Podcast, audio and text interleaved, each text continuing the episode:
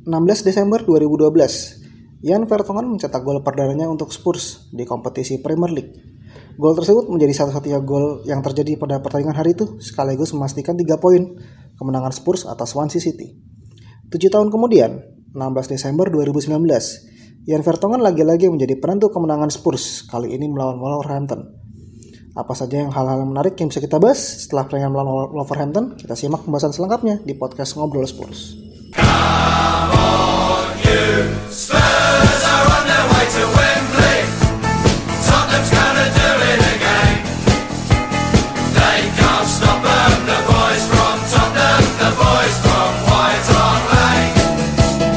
Oke, halo guys. Kembali lagi bersama gue Suryo di podcast Ngobrol Spurs. Kali ini kita uh, ngebahas soal ini ya, pertandingan uh, lawan Wolverhampton ya. Setelah pertandingan lawan Wolverhampton. Jadi pertandingan yang luar biasa menurut gue kalau kita melihat dari sudut pandang netral ya.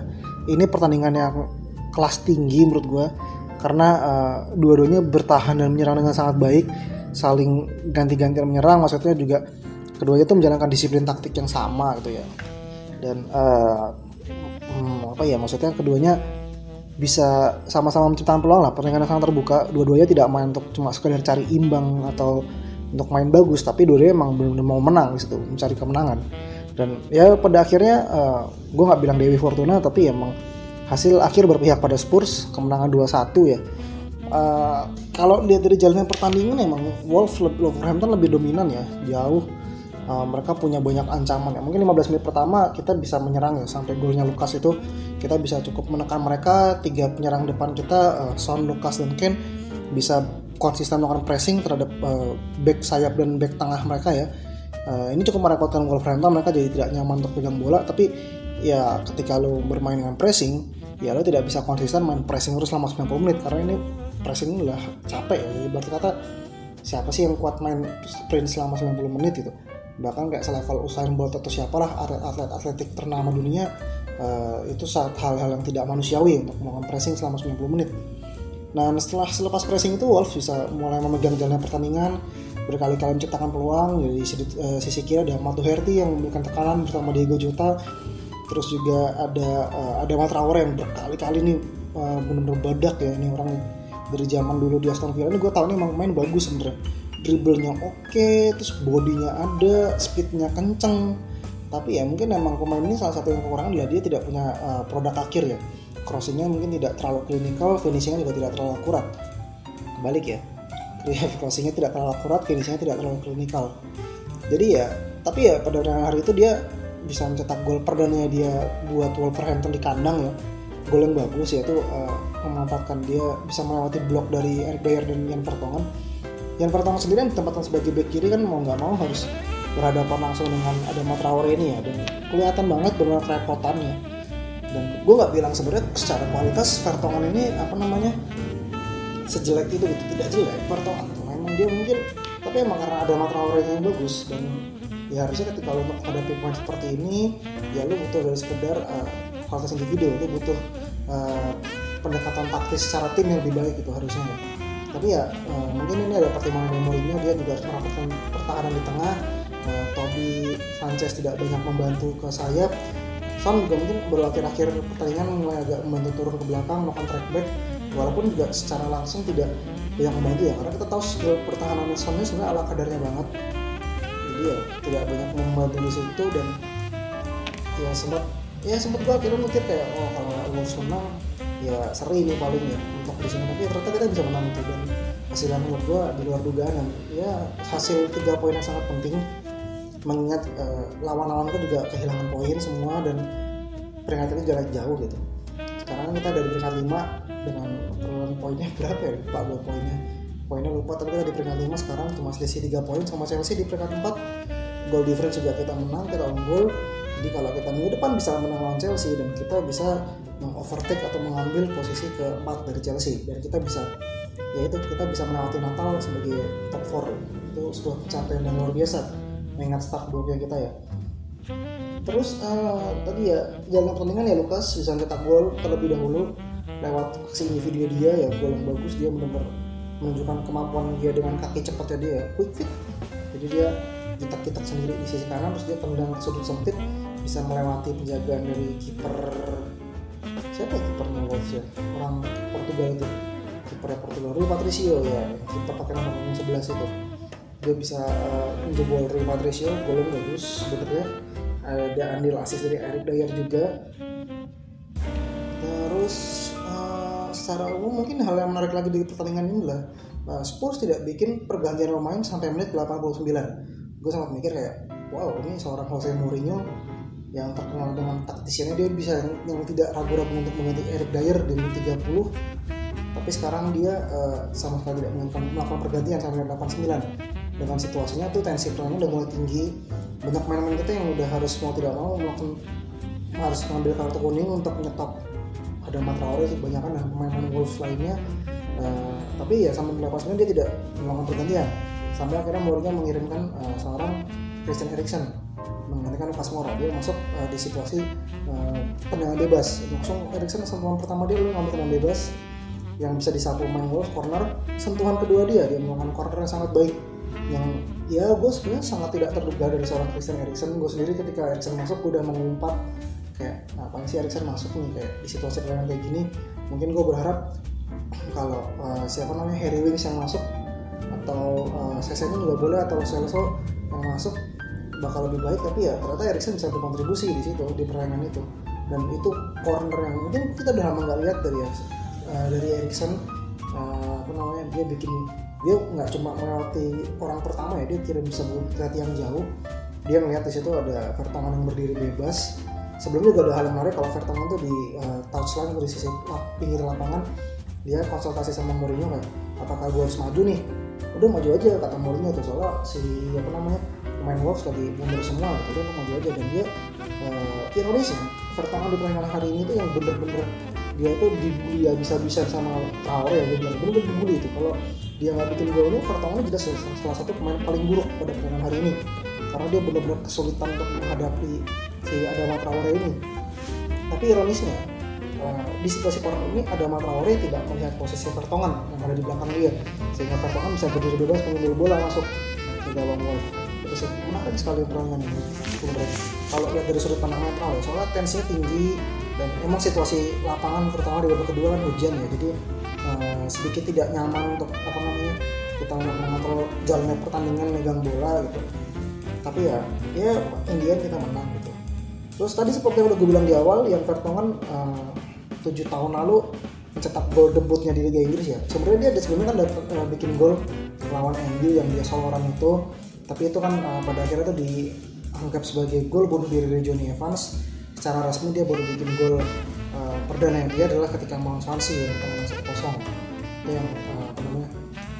Seorang juga kalau nggak salah gue lupa. Gue bisa lupa tapi gue bisa ikut ya. Dari dia bro Setelah, dan tujuh tahun kemudian ya gue juga kaget sih nih ketika baca statistik ini kayak wow di tanggal yang sama di harinya mungkin beda tanggal juga beda tapi ya tanggalnya sama persis 16 Desember 2000 uh, sekarang 2019 sama 2012 dia bikin gol gitu. Dan kita lagi-lagi melihat selebrasi Super Yan ini di dua tahun di dua tanggal itu jadi Vertonghen itu kemudian pemain yang bisa berubah siapa lagi ya? Mungkin pemain yang menonjol menurut gue cuma itu sih. Davison Sanchez Alderweireld juga solid seperti biasa. Serge Aurier juga secara defense dia lebih mature lebih dewasa dia bisa apa namanya benar-benar apa melakukan defense dengan disiplin walaupun secara offense dia tidak se eksplosif biasanya.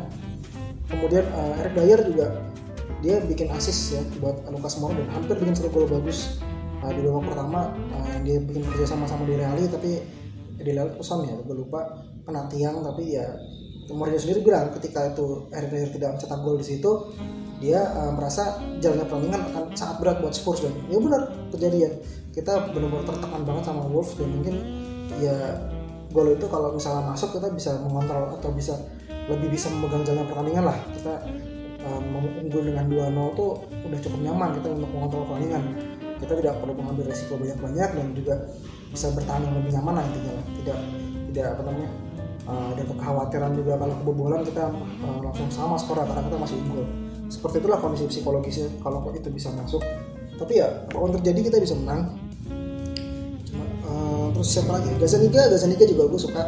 Uh, bentar tadi itu gue ingat gue liat statistiknya Gazaniga di mana yang dia bikin save percentage itu uh, terbesar kedua kalau nggak salah ya di bawah Berneno sama Matt Ryan kalau nggak salah itu sekitar 70 sekian persen 79 persen ya. Gue lupa tadi itu soalnya nggak mencatat tapi gue ingat ada yang ini semalam gue baca. Uh, ya ini juga menarik sih maksudnya Gazaniga semua main bagus banget bikin beberapa save save krusial.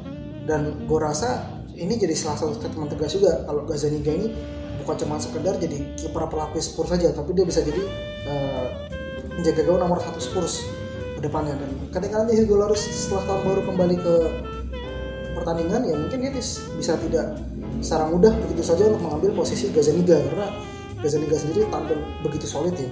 Ya mungkin memang beberapa kali di kesempatan yang diambil tuh dia tidak bermain dengan apa ya uh, ada beberapa maksudnya tidak meyakinkan tidak maksudnya dia bisa save lebih baik ada beberapa blunder mungkin kesalahan dari dia tapi secara umum dia bikin banyak save save krusial dia emang ya bagus emang sebenarnya kiper dan kualitasnya bagus ya dan satu hal yang gue notice juga adalah dia udah mulai bisa mengontrol bola-bola udara ya. Karena ini kan kiper yang tipe kalau Mourinho banget yang sebenarnya Mourinho suka dia kiper yang tinggi yang bisa uh, mengontrol corner dan bola-bola servis langsung nih ya.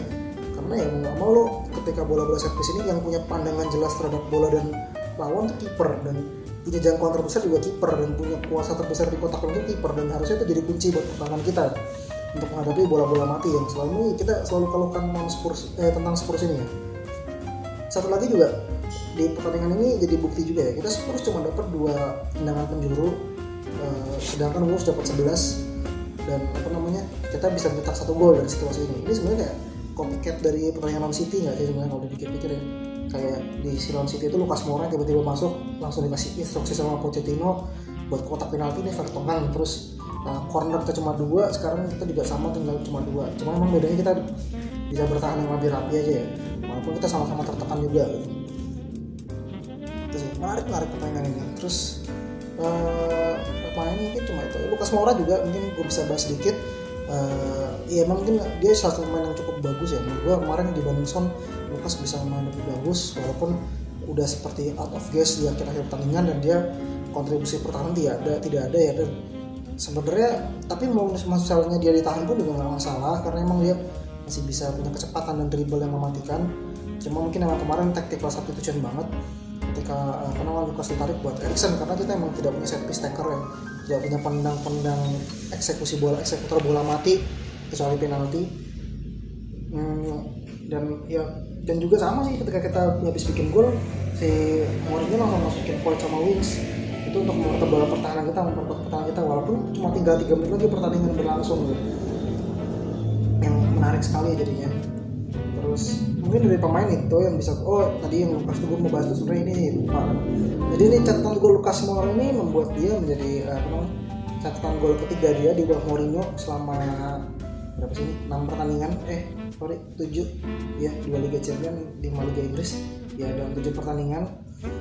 Uh, jauh lebih banyak dibandingkan 10 pertandingan terakhir dia di bawah uh, Mauricio Pochettino yang dia hanya mencetak satu gol. Iya atau atau dua musim lalu dia bikin dua gol sih sebenarnya ya. Tapi ya nggak tahu nih statistik yang gue baca nih kayak gini nih. Jadi ya udahlah. Atau mungkin 10 gol di Premier League kali ya. Itu sih. Terus lagi ya? Mungkin catatan-catatan menarik lainnya yang bisa gue sebut uh, nanti aja deh. Gue mau bahas ini dulu dari biar urut soal tim. Emang nih uh, ini kemenangan keempat kita dari lima laga Liga Inggris di bawah Mourinho tapi kalau menurut gue selain pertandingan melawan Burnley ya, ini masih penampilan yang belum meyakinkan ya buat gue pribadi. Dan mungkin buat banyak orang tapi emang dari segi mentalitas dari segi mood energi dan yang apa namanya uh, suasana tim sendiri atmosfer tim jelas berubah dengan masuknya Mourinho ya. Uh, semua kelihatan lebih fresh lebih uh, bergairah lebih dapat energi baru lah kayak mereka ditangani oleh orang yang merupakan orang yang sudah terbukti sebagai seorang juara gitu proven winner, serial winner yang udah uh, apa namanya catatannya itu udah nggak perlu diragukan lagi gitu. Maka jadi lebih bersemangat gitu. Dan ya emang mungkin dari segi mental kemarin kelihatan di pertandingan kita memperlihatkan segi mentalitas juara kita termasuk ketika mau Olympiakos juga kurang lebih sama. Hmm, tapi kalau kita ngomongin secara umum uh, ada beberapa concern gue ya? Uh, gue nggak bisa sebut nomor tapi concern pertama gue adalah ini uh, kita masih kesulitan dalam uh, menghadapi pressing.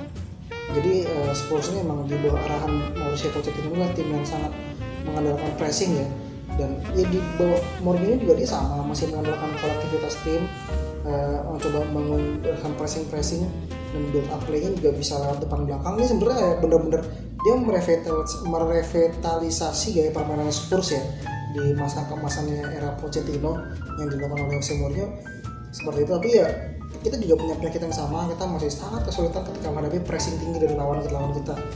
Makanya terbukti kan kalau kita melawan City melawan Liverpool melawan uh, siapa lagi ya misalnya? Lawan ya kayak lawan kemarin itu lawan Sheffield atau lawan sekarang lawan siapa namanya? Wolves ini kita kesulitan banget kita menghadapi pressing ini.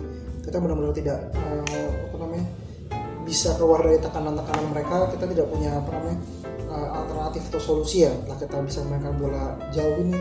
Bola jauh pun juga sebenarnya kemarin sempat dicoba tapi emang uh, tidak punya akurat karena emang secara taktis benar disiplin banget Wolves ini ya. Gue emang kemarin Wolves ini lebih superior tapi emang hasil berbicara lain gitu. Masih nyambung juga dengan tadi uh, problem dari kita tidak bisa melewati tekanan Wolves.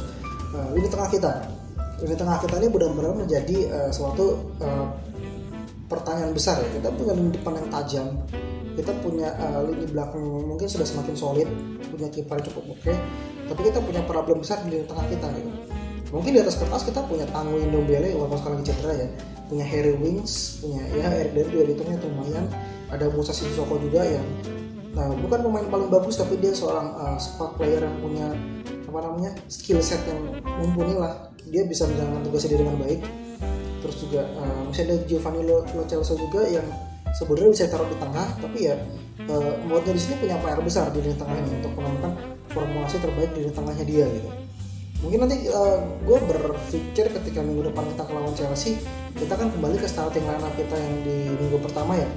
Ditangani Mourinho kecuali uh, Ben Davis yang masih cedera.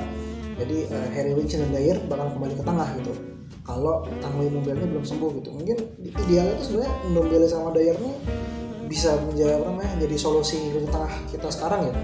Walaupun gue masih merasa Dyer ini masih bisa diganti oleh pemain yang lebih baik gitu di posisi DM gitu. Tapi emang Dyer ini pemain yang bisa mengeksekusi taktiknya Mourinho banget itu sebenarnya. Di Spurs ya mungkin tidak ada yang bisa lebih baik dari Dyer ini gitu. Dan uh, ya nanti kita tunggu lah nih karena Wings juga baru sembuh dari cedera dan kita semoga minggu depan bisa dimainkan ya dia. Karena ya ya memang kita banyak komplain kalau Wings si Soko ini duet yang tidak cukup baik atau Dyer juga tidak cukup baik atau Wings sendiri juga sebenarnya gelandang yang tidak cukup baik untuk seorang tim top tapi ya mau nggak mau. Sekarang opsi terbaik kita salah satunya adalah Harry Wings ini gitu. Harus dicoba apalagi kita menghadapi lawan tim yang bisa melancarkan tekanan ini gitu. Memang beberapa kali kayak mungkin kayak lawan Bang Ucap nggak main sih dia kemarin ya. Lawan siapa ya? Lawan uh, eh, MU atau lawan uh, siapa sih? Bournemouth terakhir itu ya. Ya emang Wings ini cukup kesulitan menghadapi pressing juga ya. Dia beberapa kali ada momen uh, pengambilan keputusannya tidak tepat gitu. Antara dia harus passing atau harus dribbling atau long ball dia juga tidak cukup uh, akurat juga itu tapi ya ya harusnya ada waktu untuk ngobrol gitu dan gue rasa Wings juga nggak mungkin gitu-gitu aja gitu. Dia pasti berkembang gitu dan ya sebenarnya tinggal masa decision making dia aja sih. Dia punya kualitas di situ soalnya gitu dan gue rasa Mourinho juga tidak cukup bodoh untuk uh, melepaskan atau melewatkan hal ini gitu. Uh, tengah tadi itu udah uh, eh, gue bahas terus apalagi ya dari defense juga udah semakin solid gitu. Terus uh, ya emang lebih oh ya masalah defense itu sebenarnya bukan cuma masalah back dan kiper ya tapi emang secara satu tim ini dan strukturnya emang udah mulai terbentuk ya. Struktur secara taktiknya gimana posisi yang gelandangnya udah mereka udah bisa mulai saling uh, saling melengkapi saling menutupi ketika ada yang kelewat gitu back sayap terutama back sayap back tengah dan gelandangnya ya. Itu tiga komponen segitiga itu udah mulai bisa semakin padu gitu. Nah, tapi ada satu permasalahan lagi yang gue notice yang mungkin ini permasalahan paling besar adalah uh, taktik Mourinho itu sudah semakin monoton semakin terbaca semakin mudah terbaca. Karena gini uh, ada dua hal besar ini ya yang menurut gue jadi dasar dari taktiknya Mourinho ya ketika menyerang yaitu eksploitasi dari Sergio Aurier dan juga Son Heung-min di kiri. Itu sebenarnya dua poin itu. Kita bahas satu dulu dari Sergio Aurier. Aurier ini dia dibikin dikasih license buat naik sejauh-jauhnya. Dia udah posisi udah uh, se seperti winger ya. Karena emang dia bisa dribblenya dia cukup oke okay, crossingnya juga cukup oke okay, dan dia punya kaki kiri kaki kanannya juga uh, kaki kiri terutama ya juga cukup oke okay, nggak jelek-jelek amat. Jadi ketika dia uh, mentok di closing down sama lawannya juga dia bisa bikin apa namanya cutting inside juga dan kaki kiri masih bisa crossing atau shoot. Walaupun shoot juga jelek sebenarnya ya walaupun tapi dia bikin beberapa kali gol-gol bagus ya. Uh, dan di sini dia juga uh, ada Lukas Moura. Sebenarnya di atas kertas ada Lukas Moura juga di sini yang kalau emang bisa apa namanya. Tapi luka, apa namanya maksudnya di atas kertas kan harusnya Lukas Moura sama uh, Serge Aurier saling melengkapi tapi emang Lukas Moura ini crossingnya atau kombinasi passingnya itu belum muncul di sini gitu mungkin kecuali lawan kayak lawan apa namanya pas lawan Olympiakos yang dia bikin kirim crossing ke Harry Kane itu. Dan apa namanya ya ini jadi problem cukup besar juga ya. Ditambah Son di kiri. Sama nih ketika Son ada di kiri uh, apa namanya di sini tuh dengan taktik Spurs seperti ini yang tidak memberikan fullback yang menyerang fullback kiri yang menyerang di sini ada Jan Vertonghen ya. Son ini kebanyakan selalu terisolir di kiri sendiri gitu dia dipaksa harus uh, bisa mengatasi lawan-lawannya sendiri. Memang dia punya skill, punya kemampuan di sini, tapi ya lo nggak bisa berharap di setiap situasi Son bisa menyelesaikan itu sendiri gitu. Ini sepak bola ini mau nggak mau adalah olahraga olahraga tim, olahraga 11 lawan 11 di lapangan dan berbagai komponen lainnya di luar lapangan. Lo nggak bisa berharap Son selalu bisa sendiri menyelesaikan segala uh, situasi di kiri. Biasanya dia mungkin ada player yang suka melebar ke kiri atau Harry Winks kadang-kadang kalau pas dia main uh, buat membantu di kiri dia Vertonghen tetap stay di belakang. Jadi posisinya kayak Son di paling ujung belakang kita ada di tengah-tengahnya dan uh, di belakangnya di Vertonghen gitu. Jadi ketika apa uh, ini buntu mau coba build up lagi dia bisa kombinasi passing ke belakang atau uh, kalau mau ke Vertonghen juga dia bisa nggak dua kali passing. Dua kali passing di sini itu bukan berarti tidak efektif tapi di sini memberikan uh, waktu atau jeda delay yang cukup untuk uh, pemain-pemain lain untuk melakukan pergerakan beda sama kemarin lawan Wolves. Son banyak buntu di kiri dia langsung mau ngomong kirim bola ke belakang lagi. RDR posisinya uh, terlalu ke tengah dia nggak banyak naik ke depan ke sisi kiri ini. Jadi langsung ke belakang ada Eric Dyer ada Jan Vertonghen di situ. Ya di situ main Wolves juga lebih gampang aja waktu pressing.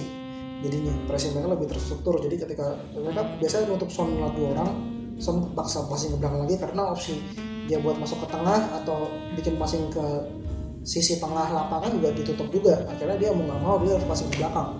Dan pemain Wolves segera bergerak untuk kompres ke arah yang Vertonghen itu. Itu kira beberapa kali situasi seperti itu terjadi kemarin ya. Terus uh, uh, dari segi pertahanan tadi mungkin lebih ke uh, Serge Aurier itu. Karena Serge Aurier terlalu diberi license buat naik mau nggak mau sih untuk pemain yang bisa dikorbankan. Biasanya ada si Soko uh, dan juga uh, David Sanchez yang benar-benar terpaksa harus uh, bolak-balik mengcover uh, kebolongan posisi dari Serge Aurier gitu. Ini juga harus segera diperbaiki sih menurut mungkin kalau emang lo ngedelay situasi counter attack oke okay, emang David Sanchez dan Sissoko harus melakukan itu. Tapi ketika emang situasi tidak counter attack cepat udah terlalu mungkin udah bisa diredam sama pemain Spurs Serge Aurier segera balik harus segera melakukan penyelesaian posisi bertahan lagi. Mau nggak mau udah tugas dia sebagai seorang fullback gitu bisa membantu menyerang cadangan dan juga pertahanan gitu. Dan pertahanan tugas utama dia gitu sebenarnya. Itu sih paling dari segi taktik ya ini emang beberapa kali gue udah melihat ini udah mulai monoton banget dan mulai kebaca banget. Dan gue harap ini ada satu minggu full. Ya ini mungkin keuntungan juga buat Spurs ya. Jadi uh, Jose Mourinho abis ini dia full satu minggu sesi latihan um, untuk dia mendalami uh, filosofi permainan dia memahami karakteristik pemain lebih jauh dan juga untuk meramu taktik yang lebih detail dan lebih gitu. Itulah kurang lebih buat ke depannya uh, ya ini sekali lagi nih hasil yang sangat penting ya karena kita menang ketika rival-rival kita sedang tidak dalam hasil yang memetik hasil yang baik gitu. Leicester yang di posisi kedua uh, dia harus imbang dengan Norwich yang salah satu bukan tim juru kunci ya. Jadi catatan kemenangan 8 beruntun mereka eh 8 atau 10 atau 9 ya. Fardi itu yang 8 pertandingan berturut-turut mencetak gol stop di lawan Norwich ini terus juga Chelsea harus kalah sama Bournemouth tidak mencetak gol. Ini kekalahan yang keempat Chelsea ya. Eh sorry mereka nggak menang empat pertandingan eh nggak menang di empat pertandingan dari lima pertandingan terakhir mereka.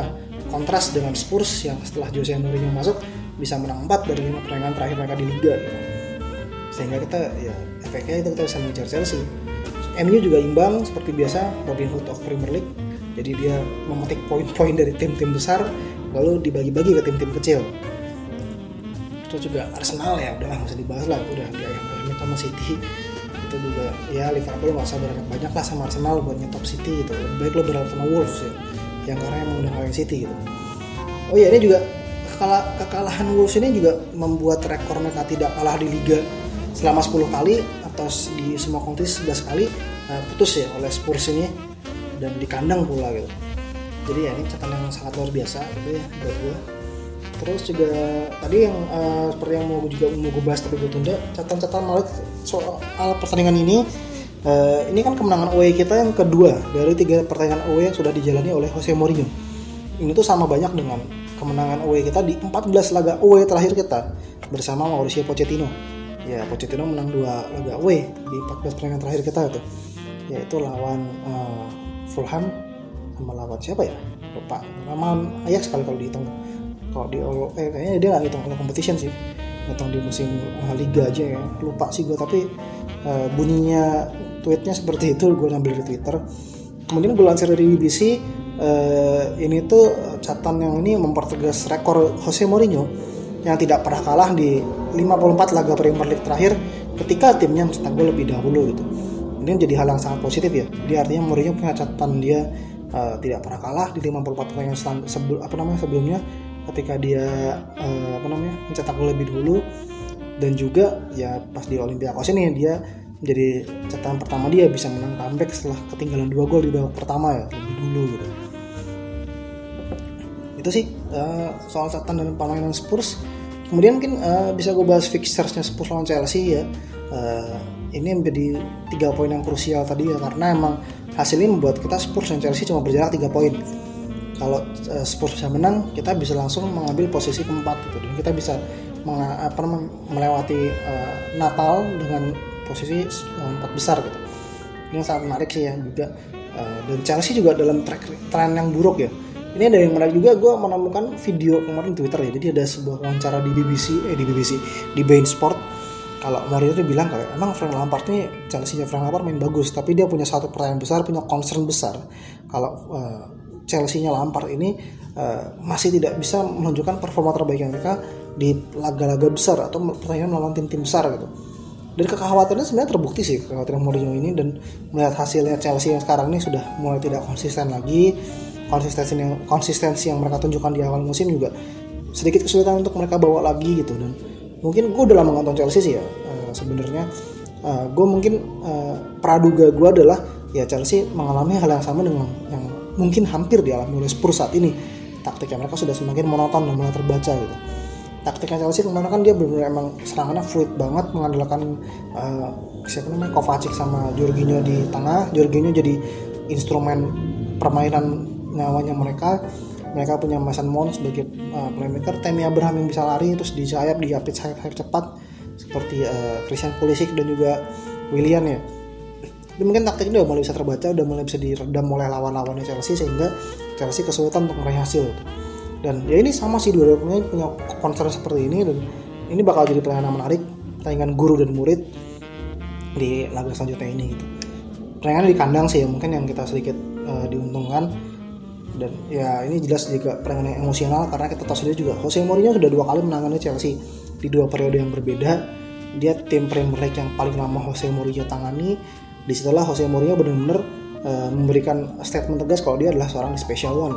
Dia bisa menang Premier League memutus untuk pertama kali buat Chelsea ya untuk memutus track tren ketika itu trennya kan uh, Arsenal Chelsea Arsenal MU Arsenal MU di tengah-tengah Arsene Wenger dan Sir Alex Ferguson muncullah nama seorang Jose Mourinho yang untuk merusak hegemoni dua tim besar itu. Terus ini jadi hal yang uh, sangat emosional buat Jose Mourinho karena harus melawan bekas klubnya dan juga harus melawan bekas muridnya juga. Frank Lampard yang merupakan pemain favoritnya Mourinho ya ketika dia menangani Chelsea ya. Jadi ya lagi-lagi laga menarik yang bisa kita tunggu. Ini akan dilangsungkan pada hari Minggu ya 22 Desember jam 10 malam kalau nggak salah. Uh, nggak tahu disiaran atau enggak tapi ya mungkin kalau daripada bingung nyari disiaran atau enggak coba kita nobar aja mendingan sama komunitas yang terdekat di kota kalian. Oke hmm, mungkin gitu aja ya. Terus mungkin uh, hari ini tuh gue tagnya kan pagi nih ya. Jadi mungkin nanti sore kita gue nggak tahu rilisnya kayaknya mungkin sore. Kemungkinan besar sepertinya setelah uh, sudah keluar jadwal Liga Champion tapi gue belum bisa bahas hasil drawing Liga Champion ya sebenarnya. Untuk mengetahui lawan kita nanti gue simpan aja buat next episode mungkin ya. Uh, bisa gue simpan di situ atau mungkin gue bikin pembahasan khusus karena nih seminggu cukup banyak jedanya gue punya banyak waktu sebenarnya dan semoga di banyak waktu ini bisa gue manfaatkan untuk uh, bikin episode ya. Hmm, ya udah mungkin kurang lebih itu aja dulu. Hmm, buat episode kali ini sekali lagi terima kasih buat yang udah dengerin. Semoga hasil-hasil baik selalu menaungi Spurs. Semoga kalian juga selalu bahagia. Seperti biasa kritik dan saran gue terima uh, gue sangat terbuka.